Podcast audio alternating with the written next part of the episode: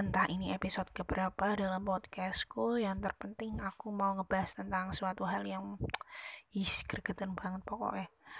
Move on itu ternyata emang beneran ada ya guys. Ya aku yang dari tiap harinya nangis tiap mau tidur selalu kepikiran yang gak nafsu makan pelan-pelan bisa move on. Sudah bisa ikhlas move on itu ya nggak usah buru-buru.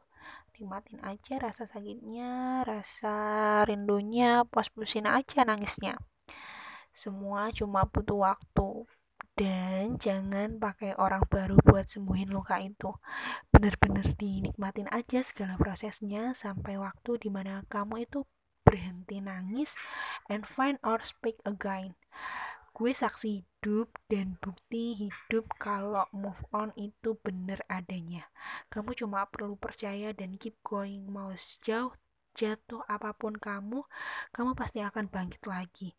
Spend to hardship it will all be worth it in the end oke okay? jangan pernah membaca buku untuk yang kedua kalinya karena endingnya bakal tetap sama